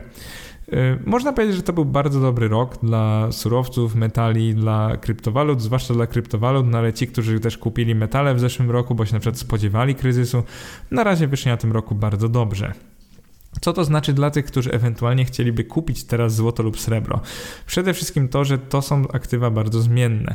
Jeżeli jeszcze nie zauważyliście, to są prawie tak zmienne jak akcje, czasami bardziej i też nie ma żadnej ujemnej korelacji z rynkiem akcji, bo zauważcie, że minął rok, akcje są na plus i srebro i złoto jest na plus. Mam na myśli na przykład o akcjach tych amerykańskich. Więc no, czy tutaj mamy jakąś przeciwwagę jednego z drugim? Nie jestem taki pewien. To trochę tak wygląda, że mm, złoto jakby reaguje pozytywnie w pewnym sensie, jak inwestorzy uciekają z rynków akcji, że jest jakąś alternatywą, że jest takie bezpieczniejsze. E, w praktyce to złoto rosło w tych miesiącach, kiedy rosły rynki akcji, złoto straciło na wartości wtedy, kiedy był ten koronakryzys. E, co prawda tylko 6%, więc bardzo nieznacznie, ale mimo wszystko luty, marzec złoto traciło, więc może nie patrzcie na złoto i srebro jako na przeciwwagę dla rynku akcji, tylko takie uzupełnienie, że po prostu macie coś innego w portfelu. E, czy to jest dobry moment, żeby kupić? No zwykle maksima czegoś historycznie nie są dobrym momentem, żeby kupić, no ale z drugiej strony y, możemy się spotkać w tym podcaście za rok i mogę wam powiedzieć, że rynki akcji wzrosły jeszcze o 30% i złoto też. Więc y, no nie, nie mam szklanej kuli, nie przewidzę przyszłości. I, jakby złoto historycznie jest teraz bardzo drogie, srebro historycznie wcale nie jest takie drogie, no bo spójrzcie sobie, co się działo tam parę, paręnaście lat temu. Srebro było już dużo droższe niż teraz, więc może w tym kontekście można powiedzieć, że historycznie wcale nie jest takie drogie. Kryptowaluty zaczęły pionowo ostatnio rosnąć, więc podejrzewam, że będzie nimi jeszcze większe zainteresowanie. Zwykle z kryptowalutami jest tak, że ludzie się nimi nie interesują, mija parę lat, rosną 100%, nagle każdy się nimi interesuje. Czy w tym kontekście warto je mieć w portfelu? No ja mam takie podejście, że chyba warto mieć po trochu wszystkiego w portfelu. Jeżeli jesteście nawet drobnymi inwestorami, to pewnie jakiś tam ułamek, niekoniecznie teraz, ale może faktycznie wyczekajcie na kolejne spadki, jeżeli będą. Ale mam na myśli, że jak nikt nie mówi, zwłaszcza o Bitcoinie, to pewnie warto tam jakąś cząstkę kupić, żeby tak trzymać ciekawości. Jeżeli y, nawet kiedyś, no wiecie, wartość jego spadnie do zera z jakiegoś powodu, no to nie będziecie płakać, bo kupiliście go za jakąś bardzo drobną część portfela. Jeżeli kiedyś będzie bardzo, bardzo drogi, no to również nie będziecie płakać, no bo ta wasza mała cząstka urośnie do jakichś fajnych wartości i sobie spieniężycie i kupić na przykład obligacje. Więc jakby w tym kontekście to myślę, że warto mieć te jajka w różnych e, koszykach. I teraz, jeżeli chodzi o rok 2020 w moim inwestowaniu, już niedługo będziemy kończyć podcast, ale dopiero się rozkręcam, jeżeli chodzi o mój portfel. To był bardzo ciekawy rok. Z jednej strony kończę, mój, mój główny portfel e, kończy solidnym 20,6% na plusie, czyli 20% na plus. Taki jest wynik między 1 stycznia a 14 grudnia, kiedy piszę wpis, czyli tak naprawdę w momencie, kiedy nagrywam podcast, jestem już tydzień później, no ale dane zrzucałem właśnie 14 grudnia, bo pewnie jak się domyślacie, to pisanie wpisów trochę zajmuje. E, głównym motorem mojego portfela w tym roku były właśnie wzrosty spółek z SWIG 80. Nie dość, że cały SWIG bardzo mocno wzrósł, wzrósł, to jeszcze ja posiadałem akurat te spółki, które rosły najbardziej, prawie że. Te dywidendówki tak naprawdę bardzo łatwo się dowiedzieć, które jak sobie zobaczycie, jakie były zmiany cen. E, staram się konkretnie nie mówić, no bo wiecie, no moim celem nie jest dawanie ryby, a dawanie wędek, zwłaszcza, że ta ryba może być już trochę zgniła. Ja się jej pozbywam, ponieważ według mnie te spółki są teraz trochę zbyt drogie i z tego powodu w ciągu roku 2020 sukcesywnie e, spiężałem e, te spółki, więc udział spółek w portfelu moim spadł teraz z 25% do 15%. Ale zanim powiem Wam mm, kontekst mojego portfela, opowiem o tym, jak on wygląda na kolejny rok, to może krótko o wynikach całego roku na poszczególnych aktywach, na dywidendach i odsetkach oraz na całym portfelu. Wygląda to mniej więcej tak. E, polskie akcje na całym portfelu przez cały rok przyniosły mi 40% e, zwrotu. Mam już na myśli ten zrealizowany i ten niezrealizowany, czyli na papierze. 40% do góry to jest chyba najlepszy rok e, w historii. Co ciekawe, spółki, które były takie uśpione przez wiele lat, czyli spadały albo nic się na nich nie działo, to nagle zaczęły rosnąć o 100%. Nie wiem w ogóle dlaczego. Więc jakby ten rok na akcjach skończył się bardzo, bardzo dobrze. Ciekawostką też są obligacje korporacyjne, na których zwykle zyskiwałem z odsetek około 5-6 6%, jak mi się udało okazyjnie kupić to nawet 7%. W tym roku miałem na nich wynik 15%. I spytacie, jak to jest możliwe, że 15% na obligacjach korporacyjnych, bo to jest wręcz niemożliwe. Mm, otóż na spekulacji na obligacjach. Po prostu też pisałem o tym, że na przykład obligacje Kruka w tym kryzysie covidowym Jakoś wtedy bałem się akcji, bo nie byłem pewien, co się będzie działo, ale nie bałem się obligacji, więc po prostu spekulowałem na obligacjach i potrafiłem szybko zdobyć jakieś tam 10%. Mm, więc odpowiedź brzmi: y, mam tak dobry wynik na obligacjach korporacyjnych tylko dzięki spekulacji. Na odsetkach z obligacji korporacyjnych mam fatalny wynik, bo miałem ich coraz mniej w portfelu i ze względu na te y, niższe stopy procentowe płaciły one coraz mniej. Na gotówce mam tak naprawdę żaden wynik, 2% e, do góry, bo czasami trochę też handlowałem gotówką. Mam na myśli, że miałem dolara i wymieniałem później na złoty. Natomiast nie patrzyłbym na, na gotówkę w ogóle jako na składnik portfela, który ma zarabiać, więc może powinienem zignorować to na przyszłość. E, na tych ETC, czyli Equity Traded Commodity, to są te ETF-y na metale powiedzmy, e, mam bardzo fajny wynik, 22%, no bo i srebro i złoto kupiłem najpierw pod koniec zeszłego roku i później kupiłem jeszcze w marcu, kwietniu. Po prostu się bałem, nie wiedziałem co zrobić, to dokupiłem trochę złota e, i srebra. O tym też Wam e, pisałem, nagrywałem w tych e, podcastach portfelowych. On się nazywał bodajże w co inwestować podczas pandemii koronawirusa i później w co inwestować w trzecim kwartale 2020. Jeżeli jesteście ciekawi, możecie wrócić. Ja wtedy, ja wtedy mówiłem Wam, że zwiększam trochę te alokacje. E, też w tym roku bardzo fajnie, bo 7% na plus wyszedłem na ETF-ach na obligacje skarbowe USA, ponieważ miałem e, na, na początku roku trochę tych ETF-ów, na przykład na obligacje 10-letnie Stanów, no i spieniężyłem je po tym takim dużym wzroście, czyli jak tylko zaczęli ciąć stopy procentowe, to ja się pozbyłem tych ETF-ów, bo wtedy już te wypłaty odsetek mi jakby nie pasowały, więc tak spekulacyjnie po prostu się ich pozbyłem. Czy to była dobra decyzja, to czas pokaże, bo one jakby dalej rosną, bo jest tam duża niepewność, natomiast ja, ja się ich pozbyłem właśnie dlatego, że no nie interesuje mnie coś, co wypłaca 1% dywidendy brutto rocznie. To jest po prostu znacznie e, za mało na moje standardy. Niby ten rok jest dużo na plus, bo 20,6% już na moim kapitale to jest dość e, mocno widoczne. To mnie oczywiście przybliża do tej wolności finansowej, więc to jest bardzo fajny wynik, ale też jestem bardzo zawiedziony pewnym aspektem tego portfela, mianowicie tym, że z dywidend i odsetek miałem tylko 2,6% brutto. E, to jest najmniej w historii mojego portfela, zwykle to było między 4 a 7%, e, więc 2,6% jest, jest to bardzo mało. Po części mógłbym to wytłumaczyć składem mojego portfela portfela, bo po prostu mam mało aktywów, które coś wypłacają. E, jak po portfelu, który posiadał w tym roku średnio 30% gotówki e, i średnio 20% tych ETC na metale szlachetne, jak taki portfel ma generować e, przypływy pieniężne? No odpowiedź brzmi, będzie bardzo ciężko, ponieważ jest tu mało akcji dywidendowych i obligacji. Z drugiej strony właśnie robię powoli coś w tym kierunku, jak zaraz usłyszysz. E, w tym roku, czyli w 2021 będę zmieniał proporcje portfela. E, główną zmianą jest to, że redukuję trochę udział gotówki. Z tych 35% robi się 25%, czyli dalej na coś czekam, nie wiem do końca na co, ale postanowiłem zredukować gotówkę, ponieważ te depozyty, które płacą 0,5% już mnie trochę męczą. E, zwiększam udział obligacji korporacyjnych z 15% w ostatnim kwartale, teraz zwiększam na 25%. Wyjaśnienie jest bardzo proste.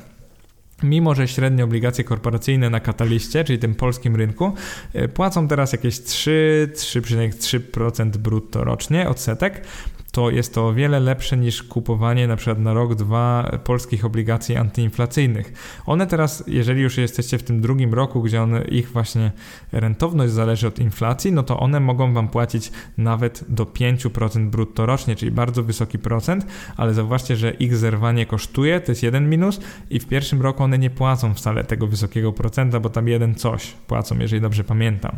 Więc dla kogoś, kto chce przechować środki na rok, dwa, to akurat obligacje korporacyjne korporacyjne mogą okazać się lepsze niż skarbowe. Oczywiście ryzyko jest zupełnie inne, ale jeżeli robić to umiejętnie, ostrożnie i dywersyfikuje, to można zbudować fajny portfel obligacji, który wygeneruje 3,5-4% brutto i właśnie na to liczę w tej części i to jest aż 25% mojego portfela w tej chwili. Kolejne 20% to będą te ETC na metale szlachetne. Nie kupuję, nie sprzedaję, po prostu zostawiam jak jest. W tej chwili to jest 20% portfela z uwagi na to, że wszystkie inne mm, aktywa mi się jakby rozrosły. Jeżeli chodzi o spółki dywidendowe, to sukcesywnie redukowałem, dalej sprzedawałem w poprzednim kwartale. Na początku roku miałem ich 35%, teraz mam tylko 15%. Tak naprawdę głównie zyski tego roku pochodzą właśnie stąd, że bardzo, bardzo z dużym zyskiem sprzedawałem te moje spółki dywidendowe, bo stawały się za drogie. Po prostu jak, jak ich prognozowane dywidendy wynoszą mniej niż 3%, to ja nie jestem zainteresowany i po prostu sprzedaję. E, I teraz jako ciekawostka, ostatnim składnikiem mojego portfela ten rok będą, uwaga, uwaga, zagraniczne akcje, głównie emerging markets. Głównie, bo nie tylko i to nie są tylko ETF-y. Po prostu wybieram e, dywidendowe spółki oraz dywidendowe ETF-y z emerging markets. Więc oficjalnie mówię, że 15% wszedłem w emerging markets. E, tutaj trochę przeważyłem Chiny, czyli kupiłem też osobno ETF na Chiny. Myślę, że są teraz dość tanie i myślę, że są perspektywiczne. Zwłaszcza przekonuje mnie to, że ta ich gospodarka wcale tak nie nie spada, że tak powiem. Kupiłem taki dość specyficzny ETF, jak jesteście ciekawi, możecie mnie zapytać w komentarzach. E, zawsze zapominam e, tickery, więc po prostu mogę wam tam odpisać, bo to nie jest jakaś wielka tajemnica. E, w tej chwili całościowo mój portfel od tych najbardziej niebezpiecznych aktywów 15% akcje z GPW, 15% ETF-y i akcje emerging markets, nie mam w ogóle akcji rynków rozwiniętych, 20% ETC na metale szlachetne, tam jest srebro i złoto, trochę więcej złota, 25% polskie obligacje korporacyjne, 25% gotówka. I teraz, jakie są cele na ten rok? Zrobić coś z gotówką, ale też czekać. Jeżeli coś bardzo złego będzie się działo na rynkach akcji, zwłaszcza rozwiniętych, no to chętnie za tą gotówkę oraz z pieniędzy obligacji chętnie za to kupię właśnie e, akcje może rynków rozwiniętych, także powoli zdywersyfikuję ten portfel jeszcze bardziej. Myślę, że fajnie by było też e, przed końcem podcastu opisać największe porażki i największe sukcesy tego roku, e, czyli 2020, jeżeli chodzi o inwestowanie, bo oczywiście na przykład ten blog, podcast uznaję jest duży sukces, jestem bardzo, bardzo szczęśliwy, że tego słuchacie, e, że jesteście ze mną, ale w kontekście inwestycyjnym miałem kilka porażek i kilka sukcesów i chciałbym o nich wspomnieć tak po pierwsze pozwoli mi to być lepszym inwestorem, a po drugie może was tak przestrzegę przed czymś, również przed słuchaniem blogerów, bo nie zawsze jak widać mają rację. Największe porażki 2020 są według mnie dwie. Przede wszystkim nie uznałem marca 2020 roku za inwestycyjną okazję. E, policzyłem sobie wskaźniki, uznałem, że niepewność jest wysoka i stwierdziłem, że no dobrze, jest dużo taniej niż było, ale to widmo pandemii i perspektywa ogromnych kłopotów w większości gospodarek jakby przyćmiła trochę tą moją wizję i stwierdziłem, że to nie jest okazja, tylko że to jest wręcz podwyższone ryzyko. Z jednej strony zareagowałem poprawnie, bo niczego nie sprzedawałem wtedy, e, oczywiście poza obligacjami, którymi sobie tam spekulowałem, mam na myśli, że nie sprzedawałem akcji spółek, czyli robiły się one tańsze, to ja nie spanikowałem, zostawiłem je, także ta, ta reakcja była poprawna. Z drugiej strony znam mnóstwo inwestorów, którzy wtedy kupili akcje. No i jak widać zrobili dobrze, bo te akcje rosły bardzo, bardzo dużo. Więc yy, myślę, że błędem było nieuznanie tego jako okazji. Już nie mówię o trafianiu w dołek, bo chyba nie znam nikogo, kto by akurat trafił na połowy marca. Bardziej chodziło o to, żeby powoli dokupywać na przykład tanich akcji, w tym dywidendowych. Także tu zrobiłem ten błąd, że nie uznałem marca jako okazji. E, drugi błąd tego roku to jest nieoptymalne przechowywanie mojej części gotówkowej portfela. E, chodzi o to, że przez cały rok miałem średnio 30% gotówki w portfelu i tak naprawdę trzymałem ją na jakichś tam krótkoterminowych lokatach, na jakimś depozycie, e, które płaciły bardzo mało, coś w stylu 0,5%, więc jakby uświadamiam sobie, że mogłem to włożyć choćby w jakieś obligacje, najwyżej zerwać, jakieś nie wiem, czteroletnie i to by prawdopodobnie bardziej mi się opłaciło, bo teraz już widzę, że z tego kwartalnego trzymania zrobiło się roczne trzymanie, może będę trzymał to kolejny rok. Więc w tej perspektywie myślę sobie, że pewnie mogłem kupić e, czteroletnie obligacje antyinflacyjne i wyjść na tym trochę lepiej. Mm, więc e, taka lekcja, której się właśnie nauczyłem, to jest to, że nie uznawać, że gotówkę będę trzymał krótko, tylko coś z nią po prostu zrobić, ale mieć w czymś bardzo płynnym, co nie reaguje mocno na kryzysy. Teraz pomówmy o tych miłych rzeczach, o największych sukcesach inwestycyjnych 2020 roku. E, pierwsza Pierwszy sukces tak naprawdę dotyczy końc, końcówki zeszłego roku, to było to wyczucie drożyzny na rynkach, bo wtedy zredukowałem mocno udział w akcjach. E, pod koniec 2019 kupiłem ETF na zagraniczne obligacje skarbowe i te ETC na metale szlachetne. E, tak naprawdę gdyby nie to, to zysk w tym roku byłby dużo, dużo niższy. Nie miałbym tego 20% zysku, tylko może 5%. E, po pierwsze było mentalnie dużo łatwiej przetrwać ten koronakryzys, ponieważ spadki były ogromne, wszystko leciało na łeb na szyję, więc oczywiście oczywiście mając obligacje i złoto jest dużo łatwiej takie coś przeżyć. E, z drugiej strony miałem w trzecim kwartale tą płynność, żeby kupić coś bardziej sensownego, czyli tym razem już mogłem polować na tanie akcje, na te ETF-y, emerging markets, właśnie zacząłem je powoli wtedy kupować. Więc to mi też dało taką fajną płynność, e, aktywa, które bardzo łatwo spieniężyć. Więc pierwszy sukces to było takie wyczucie, że jest drogo. Zauważcie, że teraz też wyczuwam, że jest drogo, tylko robię trochę co in, coś innego, bo się migruje na tanie rynki i dalej mam bardzo dużo płynnych, takich bezpiecznych pozornie aktywów. Drugim sukcesem to było właśnie przetrzymanie moich akcji z SWIG-u przez cały covidowy dołek. E, one taniały równie mocno co inne akcje, czasami o 40-50%, czyli jakby wyglądało to strasznie. Wszystkie zyski, które wypracowałem przez lata, nagle w ciągu miesiąca były zniwelowane. E, zamiast sprzedawać czegokolwiek, e, po prostu czekałem. Wiedziałem, że nie bez powodu je kupowałem, po prostu nic nie robiłem i obserwowałem, jak przez kolejne miesiące niektóre z nich wracały do cen sprzed COVID-u, sprzed powiedzmy początku tej pandemii, a nawet rosły o 50 albo 100%. To było dla mnie dziwne, bo ja trochę nie rozumiem takich wzrostów o 100-200% czegoś, co po prostu prowadzi normalną działalność i ma bardzo podobne zyski do rok wcześniej, więc jakby ja trochę nie rozumiem skąd to się bierze, więc często tak w panice sprzedaję jak coś rośnie, bo nie, bo nie rozumiem dlaczego, mm, więc jakby nie czułem się komfortowo jak one rosły, ale to jest mimo wszystko sukces, bo przeczekałem covidowy dołek, sprzedałem jak już były dużo droższe, no teraz czuję się lepiej, bo już nie mam czegoś, co jest według mnie drogie. No i ostatnim sukcesem, e, o tym już wspominałem, to był zakup tych ETC na kruszce pod koniec 2019 i na początku 2020 roku. W kontekście chwili obecnej jest to niezły sukces, bo jestem na plus, ale myślę, że jest to taki sukces, że wreszcie zacząłem dodawać do portfela coś innego niż akcje i obligacje. E, może faktycznie warto to przytrzymać przez e, parę lat, a może nawet dziesiątki lat, więc myślę sobie, że mogę zrobić z tego taką permanentną część portfela. No i nie bardzo się przejmować, czy jest drogo, czy tanio, po prostu zawsze mieć trochę, e, trochę kruszców. Więc jakby uznaję to też za taki sukces na zasadzie, że otworzył trochę mój umysł na nowe aktywa. No i w tym kontekście myślę, że już dość dobrze znasz skład mojego portfela na przyszły rok. E, łącznie jest tu mało akcji, 30%, jest tu trochę metali szlachetnych, właśnie to jest 20%, obligacji 25% i gotówki 25%, więc taki skrajnie powiedziałbym bezpieczny, zachowawczy portfel. Jeżeli będzie dobrze na rynkach, to trochę zarobię, jeżeli nie, no to dużo nie stracę, więc powiedziałbym, że jest bardzo, bardzo defensywny. No i w kontekście tej serii o rate'ach, którą też e, nagrałem, napisałem, to myślę, że się rozglądam i będę rozglądał za właśnie tanimi rate'ami. I teraz najważniejsze, czyli pytanie, które postawiliśmy sobie w tytule podcastu, w co inwestować w 2021 roku. Przede wszystkim chcę Wam przekazać, że to, że cena średniej spółki z USA jest absurdalnie wysoka, zwłaszcza wobec jej zysków oraz stopy wypłaty dywidend, uważam, że na rynku akcji dalej jest sporo fajnych okazji. Przykładowo, pamiętacie, gdy nagrywałem cykl o rate'ach, tam była część czwarta, nazywała się Lepiej kupić rate bezpośrednio czy poprzez ETF. Zauważcie, że tam mówiłem o takich rate'ach, które nazwałem tanimi. Tam była taka kategoria tanie rate'y z USA. E, pewnie się bardzo zdziwicie, ale od, od momentu nagrania, bo prowadzę taki portfel, e, dwa z tych rate'ów wzrosło o 65%. E, to jest trochę przesada, bo nagrywałem dwa miesiące temu i ja nie uważam tego wzrostu za jakiś rozsądny, natomiast to, co chcę pokazać, to to, że czasami to, co się nazwie tanie, to faktycznie wychodzi na tanie.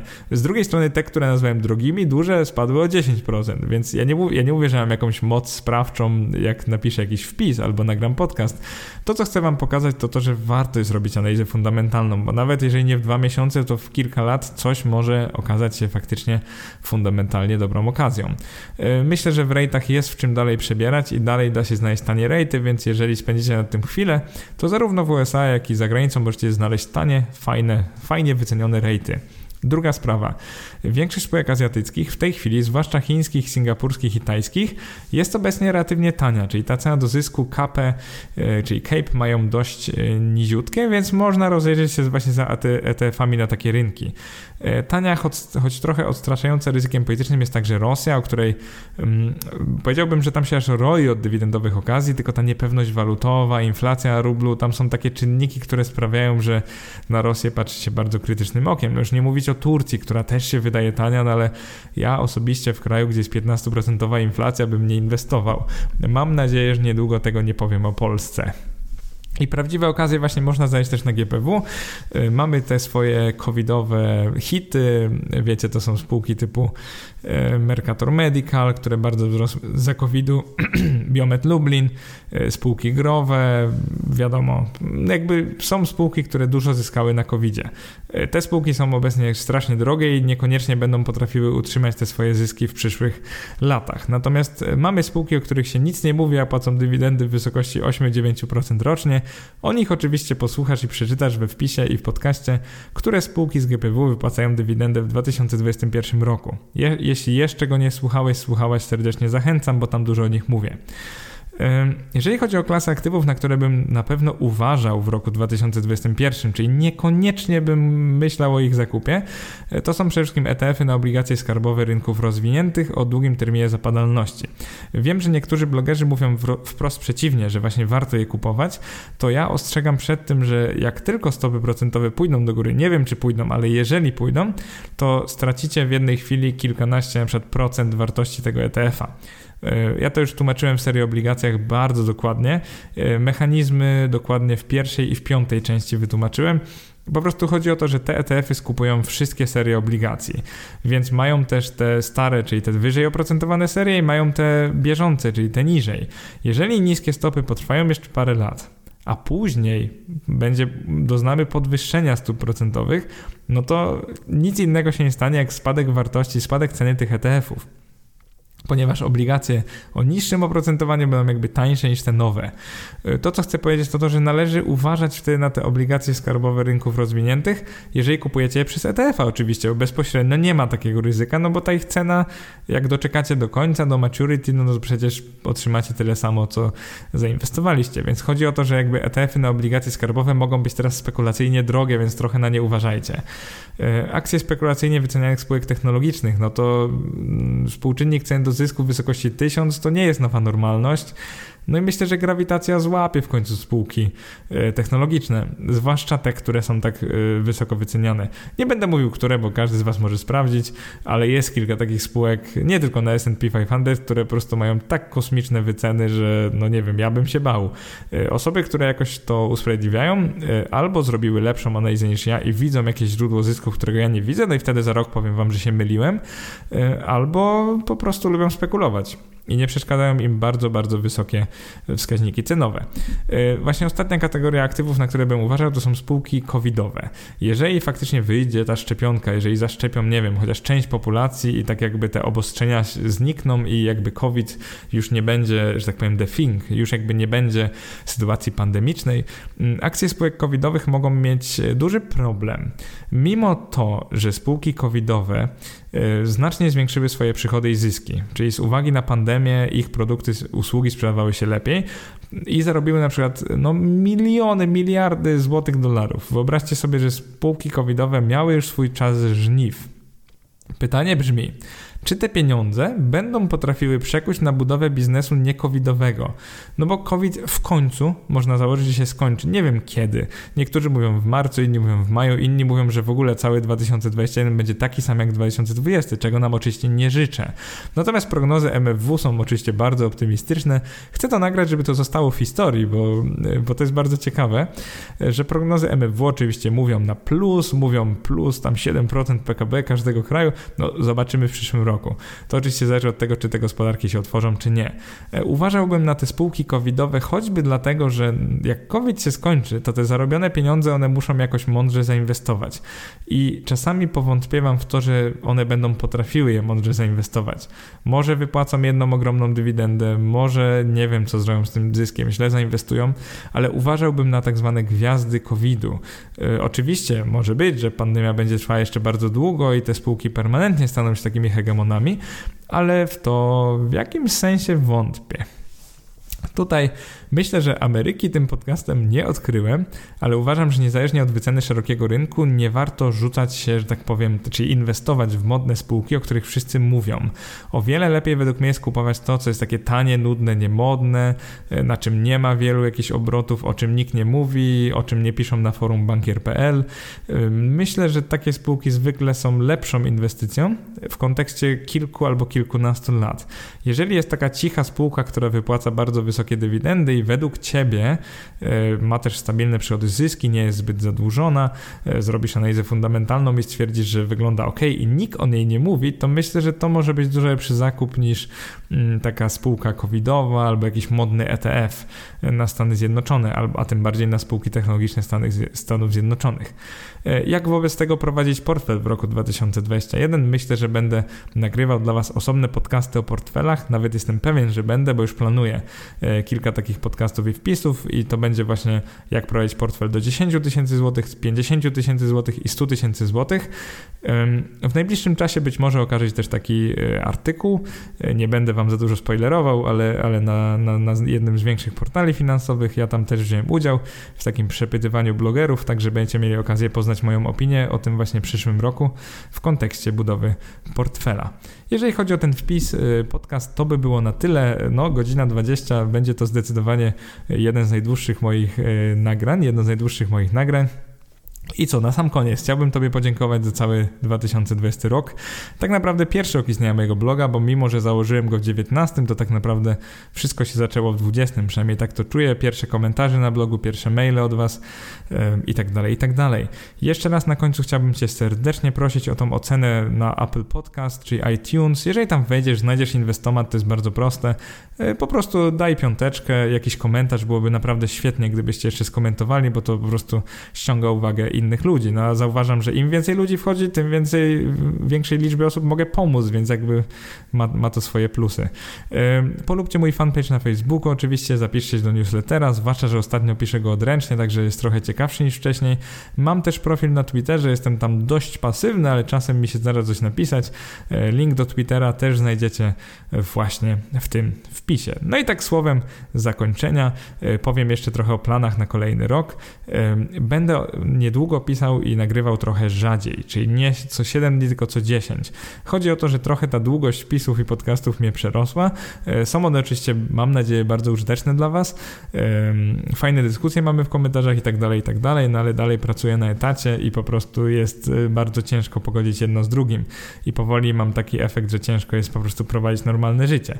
Ale żeby było pozytywniej dla Was, e, też pracuję nad takim side projectem, że tak powiem. Pewne poszlaki możecie e, znaleźć w tym wpisie rocznicowym. Ja tam pisałem i nagrywałem o tym, co chciałbym zrobić i właśnie jeden z tych projektów myślę, że doprowadzę do skutku jeszcze w tym roku, czyli w 2021. Mam na myśli w nowym roku.